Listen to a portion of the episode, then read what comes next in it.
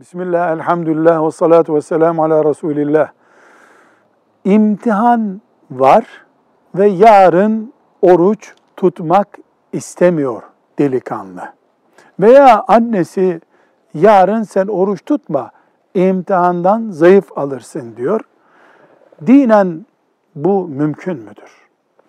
Oruç, Ramazan orucuysa başka şey, onun dışındaki nafile oruçlarsa başka şey. Nafile oruçlardan biri de o olabilir.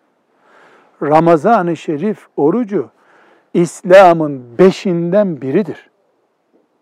Hangi imtihan, hangi kazanç, hangi memurluk, hangi üniversite Ramazan-ı Şerif'in orucuyla oynanabilecek güçte ve değerdedir. Bir de neden kendi kendimizi aldatıyoruz? Çok ciddi bir gerçek var. Yaşadığımız ülkede bu tür imtihanlar öğleden önce yapılıyor ve bitiyor. E gençler zaten sabah kahvaltısı yapmıyorlar.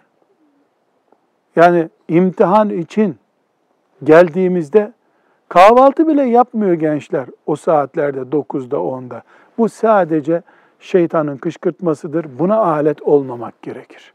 Velhamdülillahi Rabbil Alemin.